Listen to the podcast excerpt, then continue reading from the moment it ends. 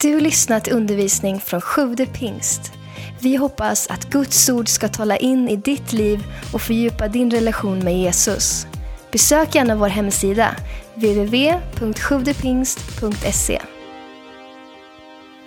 Men det är kul det här att, att få vara med och se att Gud gör någonting i unga människor. Jag tycker det är fantastiskt roligt att få vara tillsammans med er. Eh, jag ser ju en och annan som kanske har fyllt 30 och lite till och ni är så också hjärtligt välkomna hit ikväll. Så jag slipper känna mig så ensam. Eh, jag växte inte upp i ett kristet hem fast mamma och pappa kom till tro när jag var tonåring och jag är yngst av mina syskon. Jag ska bara berätta två små saker för er som kommer att prägla mitt liv ganska mycket. Det var så här att när jag var liten så var jag ganska rädd. Jag var en ängslig liten tjej. Jag, jag var lilla syster och feg. Eh, mina syskon gjorde väldigt ofta rackartyg. Som till exempel att gå och måla grannens alla potatisar gröna när han var på jobb. Eh, och, då, och sådana saker. Jag, jag, jag, kunde sträcka mig så långt att jag kunde stå utanför och vakta ifall att någon kunde komma. Men jag själv vågade aldrig göra det. Jag skulle aldrig göra det. Eh, när de började smygröka som 28-åringar, då väntade jag i alla fall till jag var nio, för jag tyckte jag var lite för ung då när jag var 6-7. Så, så jag, jag lät det där äh, ligga lite längre fram. Jag var lite feg, jag var inte den här modiga typen. Och eh, jag, var, jag var väldigt blyg, det, det, det, har folk svårt att tro idag, men jag var väldigt blyg. Och mamma hon sa det att det, du var så tyst, sa hon, så att det, vi började tro att det kanske inte var helt som det skulle. Eh, och jag gick inte. Jag, jag, jag har sett kort på mig själv när jag var liten. Jag ser det som en liten rund, väldigt gullig boll. Eh, och så sticker ut några små korta armar och jag... Mm, så här. Och jag gick inte... Jag började gå som mamma när jag var bortemot två år sådär. Och då höll jag henne alltid i kjolen vart hon än gick och stod. Och det minns jag faktiskt. Så då var jag kanske, ja inte 11-12, men, men, men kanske någon, någon, runt omkring det här någonstans började jag släppa mammas kjoltyg när jag och, liksom, och det gjorde också, eller kjoltyg kanske inte heter kjol, tyg, tyget i kjolen. Eh, I alla fall så, så, så, kan jag minnas det här fruktansvärt att, att, vara, att vara så blyg och vara så rädd. Och också det här att jag, att jag fick så mycket ångest och jag, jag blev så rädd, jag, jag, blev så rädd för att, att sova och jag blev väldigt rädd för att ligga själv i ett mörkt rum. Jag vet inte om det är någon som känner igen sig, men jag var det. Jag var mörkrädd helt enkelt. Jag avskydde att vara själv hemma. Eh, även om ett hus, ett hem ska vara väldigt tryggt och gott. Men eh, jag gillar inte det. Jag gillar inte att vara hemma själv. När jag var liten, ungefär 7-8 år, då hände en väldigt traumatisk händelse som kom att sätta väldigt spår i mig. Och det kanske också var det som gjorde att jag blev väldigt ängslig. Det var så här att det, min mamma och pappa, de var tonåringar de var barn när kriget, när andra världskriget bröt ut och de var tonåringar när kriget var slut 1945. Då var mamma och pappa 15 och 16 år. Och mamma var 16 år när hon blev gravid med sitt, sitt första barn. Och när mamma och pappa var 23 år, då hade de fyra barn. Och ni kan bara tänka er att, att det, de fick egentligen aldrig vara barn, de fick aldrig vara tonåringar, för det var krig i landet. Och sen så fick de egentligen aldrig vara någonting, för att då blev de plötsligen föräldrar fast de egentligen var tonåringar. Och det där präglade nog dem mer än vad jag trodde. Men när man är liten så förstår man inte det. Man förstår inte att ens mamma och pappa är väldigt ung. Eh, för att en mamma och pappa, de är ju bara mamma och pappa. Jag menar om de är tonårsföräldrar eller, eller gamla, det, det, spelar ingen roll. En, en, förälder är en förälder. De är inte de snygga och inte de fula, de, de är helt enkelt de som ska se till att du får bröd och mat och pengar och sådana saker. De är, de är, jag tror inte man tänker så mycket i viss ålder, de ska bara finnas där. Och då var det så här då att när man är liten och då förstår man inte att, att det också har med sig väldigt mycket trauman, att de aldrig fick vara barn, aldrig vuxna och sen så blir man föräldrar fast man inte riktigt kanske var mogen att få bli det. Eh, nu är jag väldigt glad att, att eh, de i alla fall eh, gav oss livet, för annars hade jag ju aldrig stått här. Så att jag är ju väldigt tacksam ändå att jag fick leva. Och eh, det var så här, den här kvällen då, det var så här att eh, jag vaknade. Jag delade rum med min syster som heter Ellen. Fint namn förresten, Ellen. Och eh, våran granne förresten, han var, han, han var inte så väldigt bra i engelska. Han, Adolf hette hans, han en jättegullig gammal man. Ni ska inte tänka på en annan Adolf som har ett annat namn. Detta är Adolf Sand som var jättegullig och snäll. Han, han var inte så duktig i engelska, så när Beatles började sjunga om Eleanor Rigby, ni kanske minns, nej, ni, ni kanske minns, ni kanske har hört det i alla fall. Då var han säker på att, att, att eh, Beatles sjöng om Ellen och Rigmor. Så Beatles har en egen sång om oss. Det var en parentes. I alla fall den här kvällen då så hörde jag att, att det var lite upprörda stämmor i våran hall och jag, glött, jag, jag liksom öppnade dörren lite. Jag är alltså vuxit upp på västkusten i Norge som jag pratar lite norska ibland så är det förklaringen. Och då var det så här att det, det stod en resväska i hallen. Pappa han stod min pappa är väldigt lång, det är kanske där Simon har sitt arv ifrån. Eh, min pappa han, han stod med händerna djupt knutna i byxfickan. Mamma hade på sig kappa och farmor stod bredvid och medlade. Min farmor och farfar bodde i samma hus som oss fast i egen lägenhet.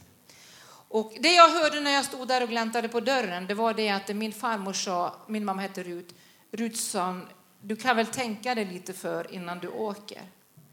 Och jag fattar att nu har mamma tänkt att lämna oss. Och det var precis det som satte så fruktansvärt trauma i mig. Och jag kommer ihåg att det, jag gick tillbaka till min säng. Min farmor, hon, hon kände Jesus. Det var en fantastisk kvinna. Det, det är nog, hon hette också Ellen. Ja, kan du tänka dig. Vilket namn. Ja, fantastisk. Men hon hette även Ellen Arnolda. Min farmor, min farfar tyckte att Ellen, det, det, det var lite vanligt, Arnolda hette ingen, så han kallade henne för min lilla Arnolda. Men det är en annan sak. Men hon kände Jesus. Och hon hade lärt oss att be. Så att jag gick tillbaks till min säng. Och det, det jag gjorde det var så här, jag, jag la mig i sängen så här, jag vet inte om alla ser, så här jag la mig i sängen. Jag drog täcket över huvudet och så låg jag så här. Och så var jag nästan som en liten så här rättrogen muslim nästan. Jag, jag låg alltså för att om jag vaggade lite så här, då gjorde det inte så ont och då försvann ångesten. När man, när man är lite ängslig och man håller sig i rörelse, då är det som att känslorna blir lite bättre. För sitter man helt tyst, då, då, då, då kan man ju inte andas till slut. Då får man ju både panik och allt möjligt annat. Och min bön var hela tiden, Gud låt inte mamma åka ifrån oss, Gud låt inte mamma åka ifrån oss, Gud låt inte mamma åka ifrån oss, Gud låt inte mamma åka ifrån oss. Och förmodligen somnade jag väl över en utmattning och när jag vaknade på morgonen så var jag panikslagen inför vad som skulle möta mig när jag öppnade dörren. Men mamma hon var kvar.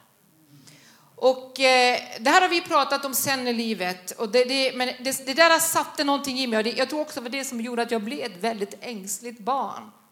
Och jag, jag, varenda gång mamma lämnade huset så kunde jag gå och vakta. Alltså, jag skulle upp till skolan men det hjälpte inte. Om hon bara skulle gå till grannen. Och jag vet en gång när det var snö, då gick jag till och med barfota i snön ner till grannen för att titta inom fönstret om mamma var där. Och det där, det, det, det där faktiskt till och med följde mig när jag själv fick barn, att jag kunde aldrig somna innan alla var i hus. Kanske någon som känner igen, ja Simon minns det. Alltså det spelar ingen roll om de... Jag, jag försökte att prata snällt till dem ibland, men de förstod inte deras mamma. Så att, men, men jag kunde, alltså, även om de var eh, ganska snälla tror jag, jag vet inte vad det var, men det är så mycket man inte vet om sina barn. Man ska inte berätta allt för mamma och pappa, men det hjälpte ju inte. Jag ville att de skulle vara hemma. De skulle vara där. Det är det första som verkligen sätter spår i mig. Det andra är när mamma och pappa blev frälst. Då var jag tonåring. Jag är 14 år. Och eh, mamma kom hem och berättade att hon har blivit en kristen. Och pappa han blev inte glad, han blev lite putt och lite sur, men efter ett par, tre, fyra veckor så, så kom han också hem och blivit kristen. Och då minns jag så väl att det, jag och Ellen då, som var min syster, vi delade rum och så när han kom hem så, så knackade han på våran dörr. Vad då knacka på dörren? I vårt hus så knackar man inte på dörren, In, inte när man liksom det gjorde man hos främlingar, men inte hemma. Men pappa knackade på dörren. Och när han kom in då grät han. Och när någon gråter och är vuxen, då tror man att någon dött. Liksom så här. Eh, och det kanske man skulle kunna säga om vi ska prata lite kyrkspråk. Han hade ju dött från sitt gamla liv. För han hade blivit frälst. Han kom hem och berättade att han har blivit frälst. Och så grät han. Och kan, min pappa han, han, han lever fortfarande och han är fortfarande otroligt pigg. Och han, han var en tuff byggarbetare, en väldigt tuffing. Fråga Simon. Han, är, han, har faktiskt varit här i era kyrka en gång. Men han var sådär jättetuff, sådär grov byggarbetare. Du vet. Och så ser jag honom gråta. Jag hade aldrig sett min pappa gråta. Och vet du varför han grät? Han grät över att han hade missat att ge oss det bästa i livet. Och vad var det? Jesus, tron på Jesus, tryggheten i tron. Det var det han grät över den kvällen. Och då hade jag så lust att säga till pappa, jag vill också bli frälst, jag vill också bli kristen, jag vill också uppleva det du och mamma har upplevt. Men du vet, jag har ju berättat det för er redan, jag var ganska feg. Jag var feg. Jag vågar inte. Jag vågar helt enkelt. Jag tittade på Ellen, hon drog liksom kudden lite framför ansiktet och nej, tänkte jag, det får nog vänta. Jag vågar inte detta, men jag vet att det gjorde intryck på mig. Sen kom sommaren här på när jag fyllde 15 år. Då var jag på semester i södra Norge där Norges näst största älv rinner. Den är väldigt, en älv med mycket ström i. Och vi byggde en flotte. Jag var, blev väldigt populär för när man kommer Eh, på semester till några som, som, som inte kände en 100 mil hemifrån då, då skulle alla titta på den nya tjejen som kom dit, så jag blev väldigt populär faktiskt. Och det var lite, var lite, var lite en god känsla med sig faktiskt. Jag var inte så van med det. Jag aldrig, alltid, ja, det, men det var väldigt kul faktiskt. Oh, jag var i centrum. Delvis så pratade jag inte som dom och så var jag lite annorlunda. Så jag fick mycket vänner där och det var kul och så byggde vi en flotte. Och när vi var ute på den här älven då var det en kille som fick för sig, ja men du är ju från kusten. Jag hade vuxit upp på en ö på nordvästlandet i Norge. Du är säkert bra på att simma, säger han. Och så jag hade jeans på mig en aprikoströja, alltså Olle. Och så slängde han mig ur, ut i älven. Och jag hade ju aldrig simmat i en iskall strömmande älv och jag hade aldrig varit bra på att simma överhuvudtaget. Och vet ni vad som kom att hända? Eller vet ni vad som höll på att hända? Det var, det var faktiskt hemskt. Jag höll på att drunkna. Och när en äntligen fick förstå att det här var allvar, att jag inte fixade det här, då har de berättat för mig, för jag är helt ding i huvudet när det gäller just den upplevelsen. För när man ligger på botten och inte kommer upp för tredje gången, då, då, då, då, är det inte så mycket man minns. Men de hade därför fått med i land, det var en, en tjej som hade hoppat i, de har kommit ut med båt fick jag veta sen. Och efter detta, då, den ångesten jag kände när mamma sa, trodde att hon skulle lämna oss, det var ingenting emot den ångesten jag fick efter denna upplevelse. Så då, då hamnade jag tio veckor på sjukhus på psykiatrisk avdelning. Först hos neurologerna som röntgade min hjärna och allt detta. Och sen var det in på psykvården. Jag fixade inte livet. Jag fixade inte livet. Jag hade sån dödsångest som ni kan inte tro. Och då var det så här att jag ville inte dö, men jag ville inte leva heller. Men jag vill definitivt, alltså, eller jag, jo, jag ville leva, men jag, jag, hade inga, jag, jag hade inga verktyg att hantera livet. Man är 15 år, man är tjej, man är feg, man är blyg, man är allt som man inte borde vara. Man börjar bli lite vuxen och man hanterar inte livet. Och på den tiden ska ni veta, nu kan vi ju prata lite mer om psykisk sjukdom, tack och lov säger jag, men på den tiden var det inte så där jättevanligt. När jag äntligen kom ut från det sjukhuset så var jag på, ett, på en dans en lördagskväll. Och då, var det, då, då gick bussen ifrån tätsamhället på ön och hem dit som jag bodde, den sista, då, då, som tog upp oss ungdomar. Då. Och när jag hoppade av den här bussen då hör jag från bakerste Eh, sätet en kille som jag egentligen hade varit lite för kär i när vi gick och läste till konfirmationen. Men det, alla var kär i honom så jag, jag, det låg undan min värdighet att visa då att även jag tyckte om honom. För om alla andra tyckte om honom då, då ville inte jag tycka om honom. Jag var lite sån. Och då ropar han, som jag ändå hade tyckt lite om, då ropar han Hör du Rigmor, sa han, hur är det med det här huvudet, sa han. Hur galen är du? Eh, hur tokig är du egentligen? Då, den fega Rigmor Blomvik hette jag på den tiden, då fick hon röst. Då började mitt liv. Då vänder jag mig och skriker jag tillbaks. Jag har i alla fall papper på att jag är frisk, men vad du har, det kan då man undra över. Yes! Då.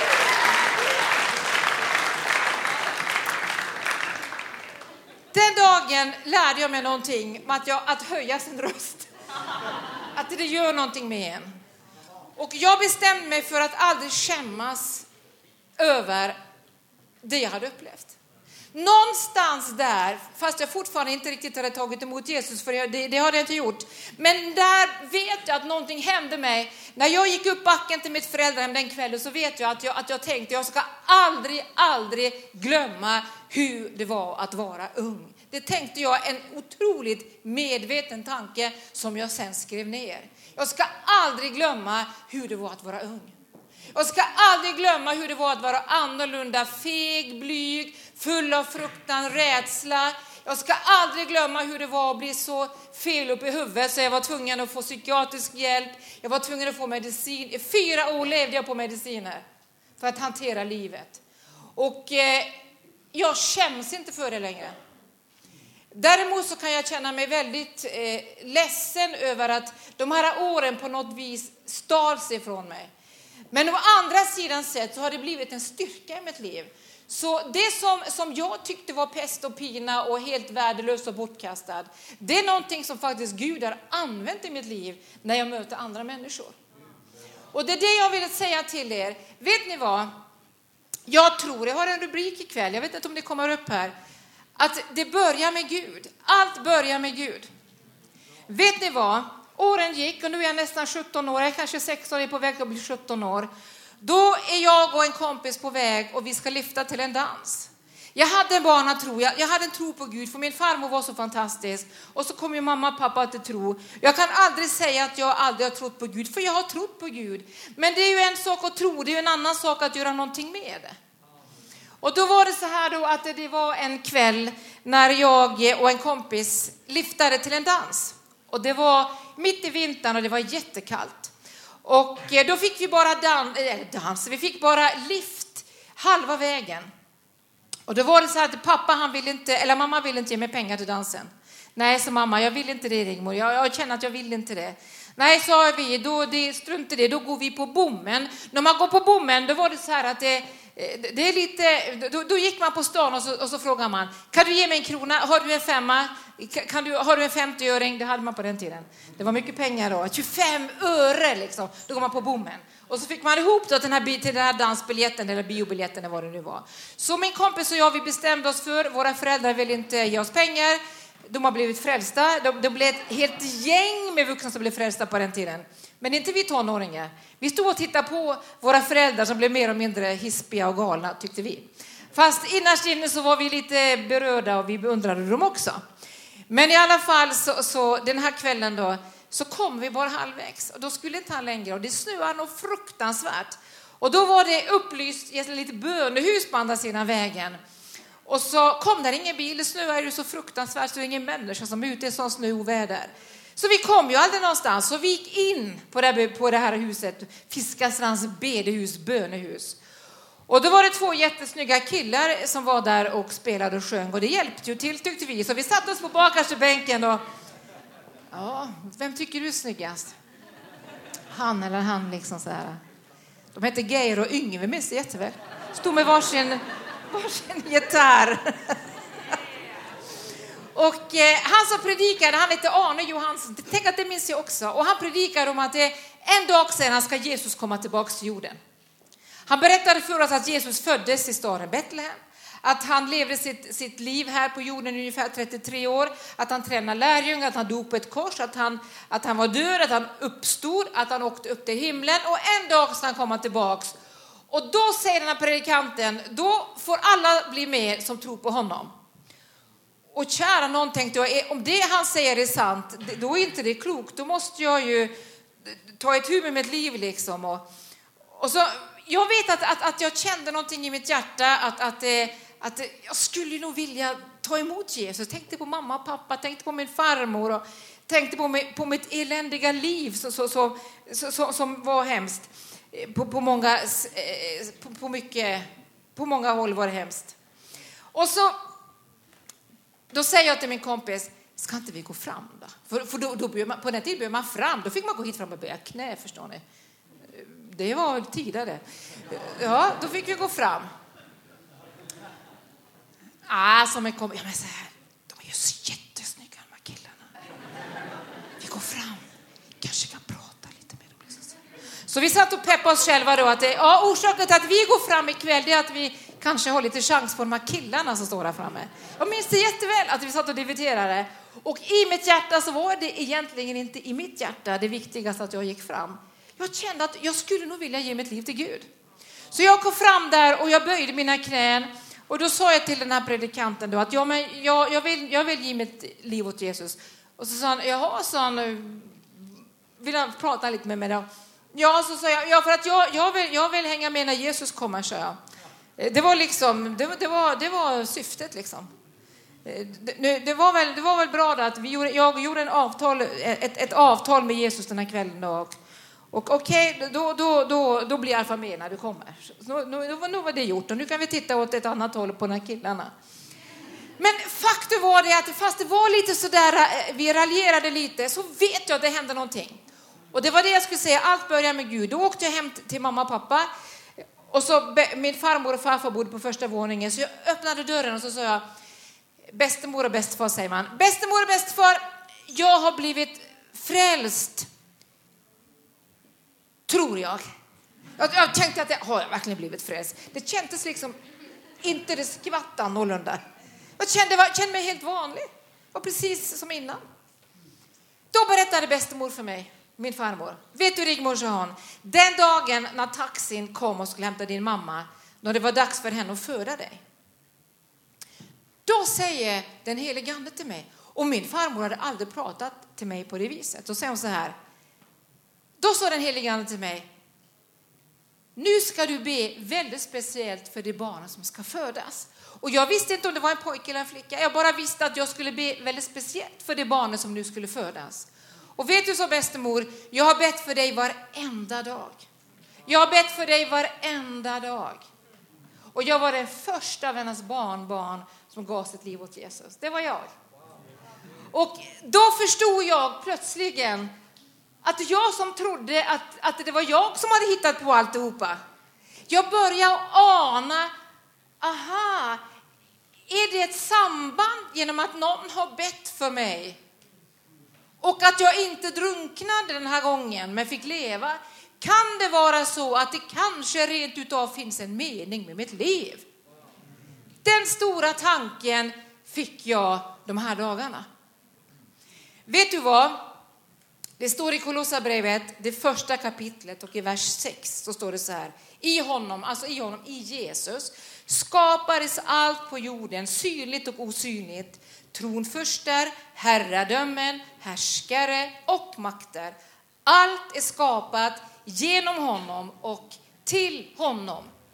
På den här tiden hade inte jag en blekaste aning om vad som stod i Bibeln. Jo, lite kanske, för vi, vi hade ju min farmor och jag visste ju att Bibeln handlar om Gud och Jesus och sånt. Inte den helige Ande, för han hade jag faktiskt inte hört talas om för några år senare. För han talar man inte så mycket om där ute där jag växte upp. Så det visste jag inte så mycket om. Och så visste jag om att det stod tio Guds budord och sådana saker. Men att allt skulle ha någon sorts början med Gud, det hade jag aldrig, det hade jag inte koll på, inte överhuvudtaget. Och eh, det här att, att det där är någonting som vill i ditt liv, vet du vad? Paulus han säger i Galaterbrevet kapitel 1 och vers 15 att när du var i moderlivet, säger Gud till Paulus, så utvalde jag dig. I moderlivet, alltså när du låg i din mammas mage, då utvalde jag dig. När Simon låg i min mage, han, vi har tre barn, han har två stora systrar. Den ena syrran ska jag faktiskt ha kvinnofrukost tillsammans med imorgon bitti, när ni ligger och sover. Då kan ni väl sätta väckarklockan på och be en timme där för mig. Bra, tack ska ni ha. När, när, jag, när, när jag väntade Simon så var det så här, då var jag, jag jobbade som högstadielärare, jag ledde en, en, en oljemålningskurs på, på Medborgarskolan, jag eh, var bibelskollärare, jag vet inte allt vad jag inte gjorde. Och eh, när jag var i vecka 20 så blev jag väldigt konstig. Jag stod och undervisade på, på, min klass på högstadiet och jag kände att det är något som inte är bra. Så jag kom så här akut till barnmorskan. Och då säger barnmorskan, du måste, du måste sjukskrivas nu. Varför då? Därför att det här eh, kommer inte att gå bra, sa Jag fick chock. Nu vet inte jag hur mycket ni vet om förlossningar och sånt. Men alltså, födelsekanal, om man säger så här, va? När, den, när, när den är öppen 10 centimeter, då, då, då, det, då, då är det redo för barnet att, att åka ut. Och jag låg ungefär på 4 centimeter och det ska man inte ha innan man ligger på BB och har verkar. Liksom så här. Och hon sa, det här är inte bra, det här är inte bra. Och, du, du, det här måste, det, det, det, och jag bara kände allvaret i det här och, och hon ringde in min man. Min mamma jobbade i Mariestad på den tiden och vi hade, för vi hade ju två tjejer. Då, då ringde, de ringde upp dit med en man och vi fick möta läkaren och det blev ett väldigt hallå där. Och då förklarade då väldigt tydligt för min man, väldigt noga, att nu måste vi fixa detta. Nu måste det lugn och ro och vila. Jag måste till ett sjukhus och det är sängläge och det var allt möjligt. Och min man han sitter där mer och mer med stora ögon och vet du vad han frågade? Han tittar på läkaren och säger Får hon inte ens diska? Det har han fått ätit upp ska ni veta. Ja, han var väl så chockad att han inte visste vad han skulle säga.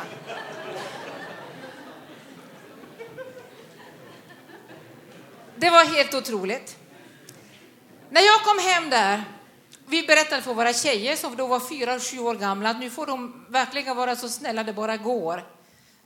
Och vi bad till Jesus och de var med och la händerna på mig. Och då kom vår fyraåriga tjej, lilla, lilla, syster, lilla stora syster till, Therese, till Simon som heter Therese.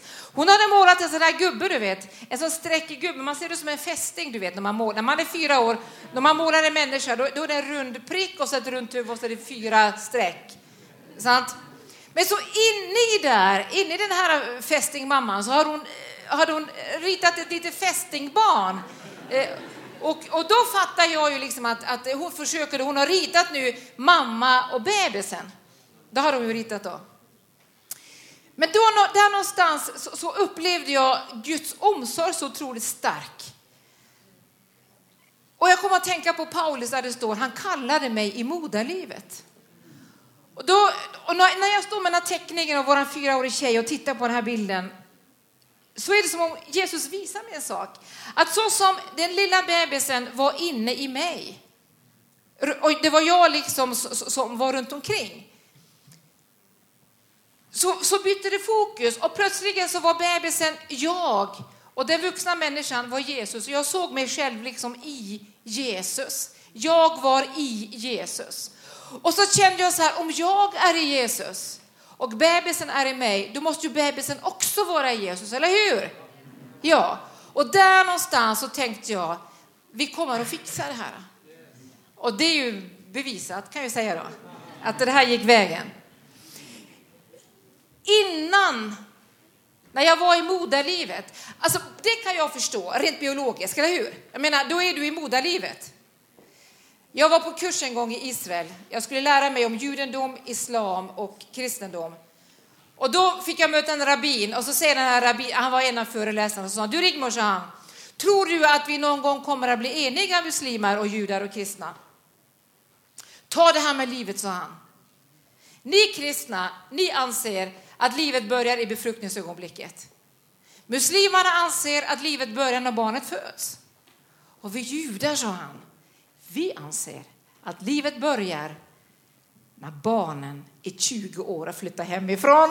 Då börjar livet. Yes! Då börjar vi att leva livet. Rent biologiskt så kan jag förstå att Paulus kunde bli kallad i moderlivet. Men i Jeremia, i gamla testamentet, då säger Gud till Jeremia, Jeremia säger han, i, vers, i kapitel 1 och vers 5. Innan du var i moderlivet kallade jag dig. Innan. Men vart var du då? Var var du då? Innan du hade mött den stora kärleken. Vart var du då? Då säger, då säger Gud till Jeremia, Jeremia, innan du var i moderlivet kallade jag dig. Vet du att Gud har en plan med ditt liv? Vet du att Gud har ett syfte med ditt liv? Du ska få en bibelvers till här innan vi ska börja och be tillsammans. Det är Johannes kapitel 3 och 35. Då står det så här att det Fadern älskar Sonen. Alltså Gud Fader älskar Jesus sin son. Och så står det så här, och han har lagt allt i hans hand. I, den, i en gammal norsk översättning så står det så här att det Gud har gett, gett allt som en gåva till sin son. Om allt som är skapat på jorden är en gåva till Jesus, då måste jag fråga dig, finns du bland allt som är på jorden?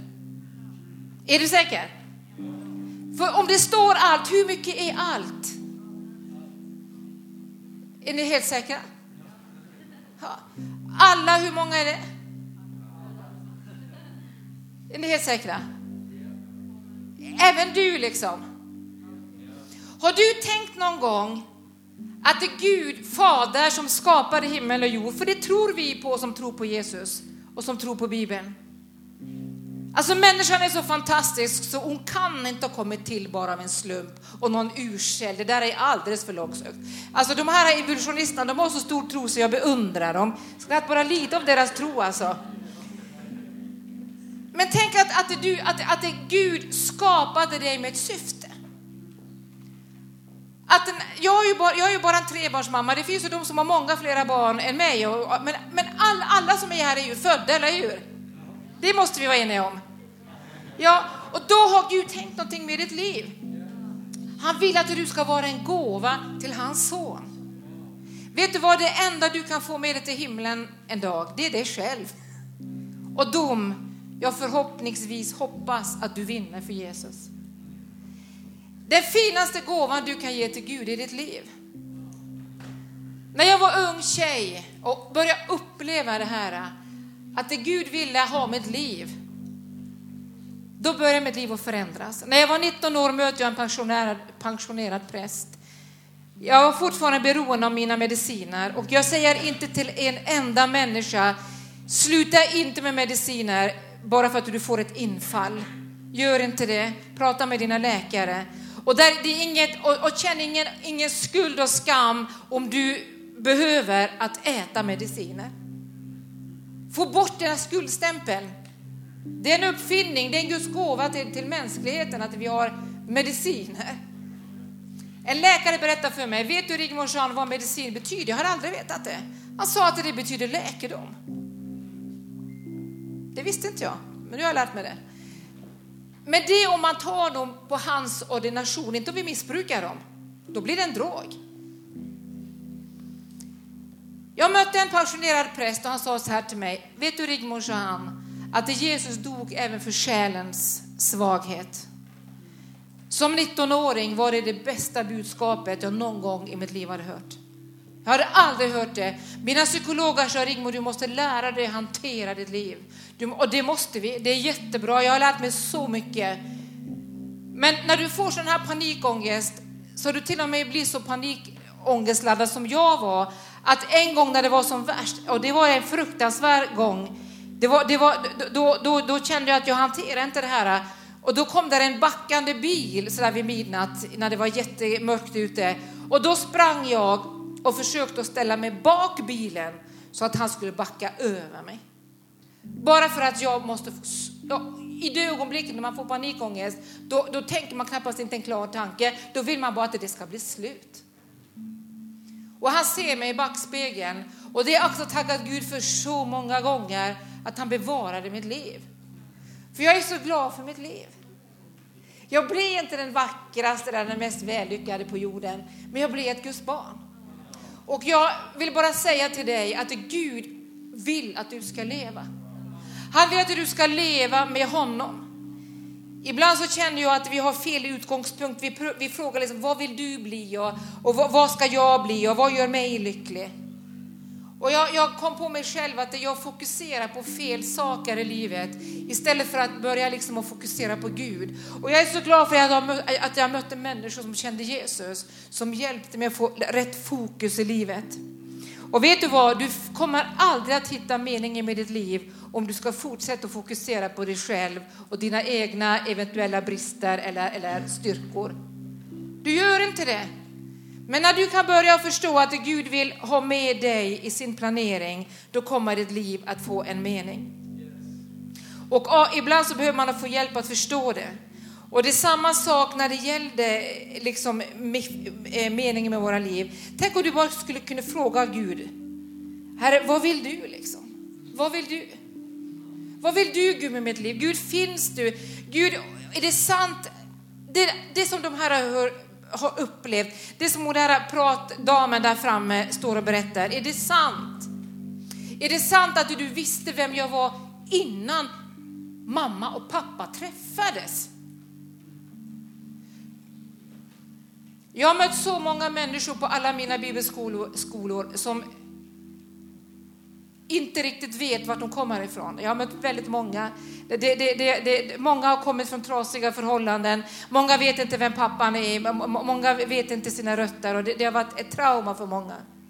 Men tänk vad underbart att få säga till dem hur du än blir till. Så tänkte Gud något gott för ditt liv. Fattar du det? Ett av våra barnbarn, han brukar titta på mig ibland. Alltså, han, han, jag, jag fattar ju inte alltid, alltid, att många åttaåringar idag, de fattar mycket mer än vad jag gör, speciellt när det gäller teknik. Han kan titta på mig ibland och han berättar stora saker, så kan han titta på mig och säga, fattar du? Fattar du? En dag kom han in och sa, mormor och morfar, jag måste berätta någonting för er. Ni måste sätta er ner. Och vi tänkte, wow, var det nu? Då tittade han på oss och sa, vet ni, sa han, Gud finns och det är helt sant.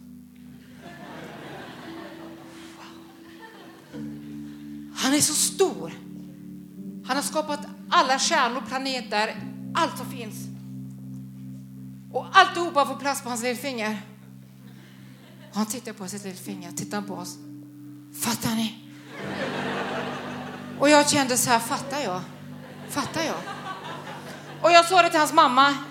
Så säger hon, det, det slutar inte där. Han gick hem och berättade samma sak för sin lilla syster. Och hon var inte så verbal på den tiden och hennes ordförråd just då var ja, ja, nej, nej. Det var det hon kunde. Så han berättade samma sak för henne. Jag, jag och min man, vi satt som stora frågetecken undrar fattar vi någonting? Men han frågade lilla syster som var tre, fyra år. Fattar du? Ja. Ja. ja. Va? Fattar du? Ja. ja. Inte ens ett barn ska kunna missförstå. Och ofta så kanske ju yngre man är, kanske bättre fattar man. Och då tog han det här, det här, det här teologiska djupa, han tog det ett steg till. Och så säger han till sin, till sin lilla syster, och fast han är så stor så får han plats i dig. Han bor här inne. Fattar du? Ha? Va? Fattar du? Känner du något? Så berättar vår dotter hur han lägger öret intill sin lilla systers mage. Känner du något? Visst är det underbart? Jag berättade detta i Finlands äldsta domkyrka. Jag var där och predikade för några år sedan. Då var där en teolog, en teolog det är sån som ska lära om Gud. Han har varit präst hela sitt liv, nu var han 81 år. Då kom han fram och så sa han så här till mig. Vet du Rigmor, sa han, jag har predikat om Gud i hela mitt liv, men jag har aldrig förstått att Jesus kan bo i en människa. Jag har aldrig förstått mig på det här, aldrig för idag, säger han. Och så grät han. Men idag förstod han det. Tänk om du kunde förstå det nu. Alltså Gud, han, han, han vill inte i första hand ha allt vad du och jag kan eller inte kan. Han vill ha oss. Han vill ha dig. Han vill ha dig och dig, du som sitter på läktaren. Han vill ha oss. Och jag vill se ett förvandlat Sverige. Fattar ni vad mycket trasiga människor jag möter?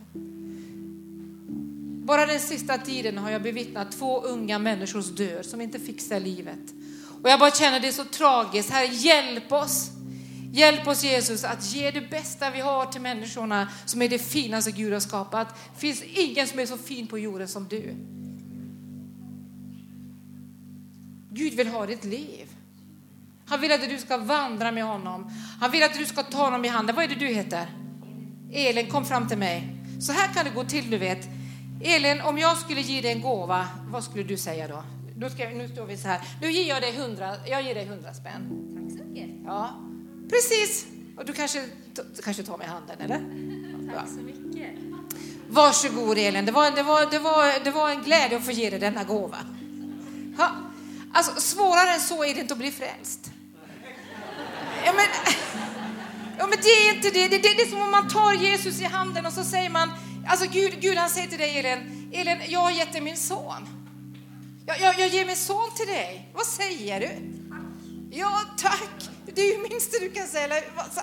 Tack! Tack för din gränslösa gåva. Det står så här att, att, att syndens lön är döden, men, men Guds gåva till oss är evigt liv i Jesus Kristus. Om, om du Elin, har, har du ett jobb? Ja. Har du löneförhandlat någon gång? Eh, nej. När du fick det här jobbet, var du intresserad av vad du skulle få i lön?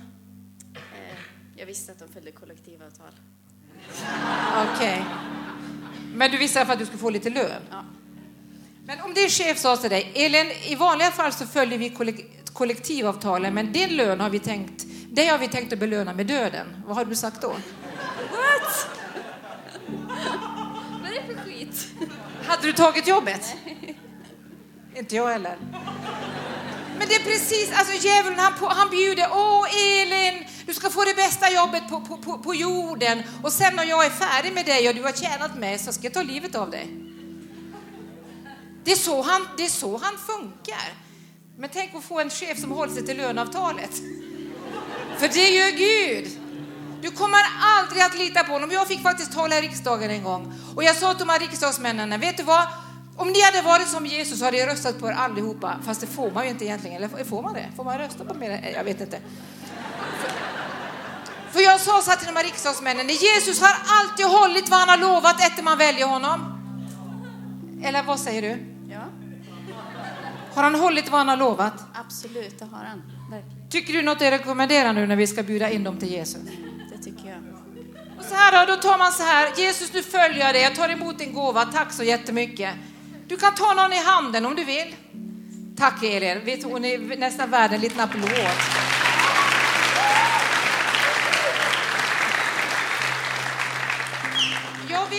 Att eh, jag fick en tid att hålla, jag har ingen aning vad klockan är. Jag, alltså, jag, klockor, vem, vem har uppfunnit klockorna? Alltså, jag, det måste väl vara ett ok för mänskligheten. Vi ska be nu. Vi är skapade av Gud, vi är skapade åt Gud. Och livet blir inte begripligt innan du ger ditt liv åt Gud. Jag lovar dig. Han uppfann dig. Han som uppfann dig, varför skulle inte han veta hur du fungerar? Hur många läser en bruksanvisning när ni får en ny pryl som ni inte förstår er på? Ja, killar gör inte det. Ni bara testar. Hur många tjejer läser bruksanvisning? Det var inte många det heller. Mm. Visst är det underbart om du, om, du, om, du, om du har varit på Ikea och handlat en möbel som inte du kan sätta ihop. Att du har en snickare i huset som jag har, min man. Visst är det härligt? Kan du komma och göra det här för mig? Och ibland så läser man ju bruksanvisningen. Vet du vad? Nu när du ska ge ditt liv åt Jesus, för det är den gåvan han vill ha ikväll, då kanske du kommer att behöva också gemenskap med kristna, sådana som faktiskt har läst in bruksanvisningen, sådana som kan lite Bibeln. Det är därför du ska komma till gudstjänst och gå på möten. Den helige Ande kommer att, att bara svepa golvet med dig. Och du kommer att få ett liv som du aldrig kommer att ångra. Jag lovar dig. Jag säger inte att det blir lätt. Men jag säger att du kommer att få någon som går med dig ur och i skur. Du kommer att få någon som alltid är där för dig. Tack för att du lyssnat. Glöm inte att du alltid är välkommen till vår kyrka. Du hittar mer info på www.sjuvdepingst.se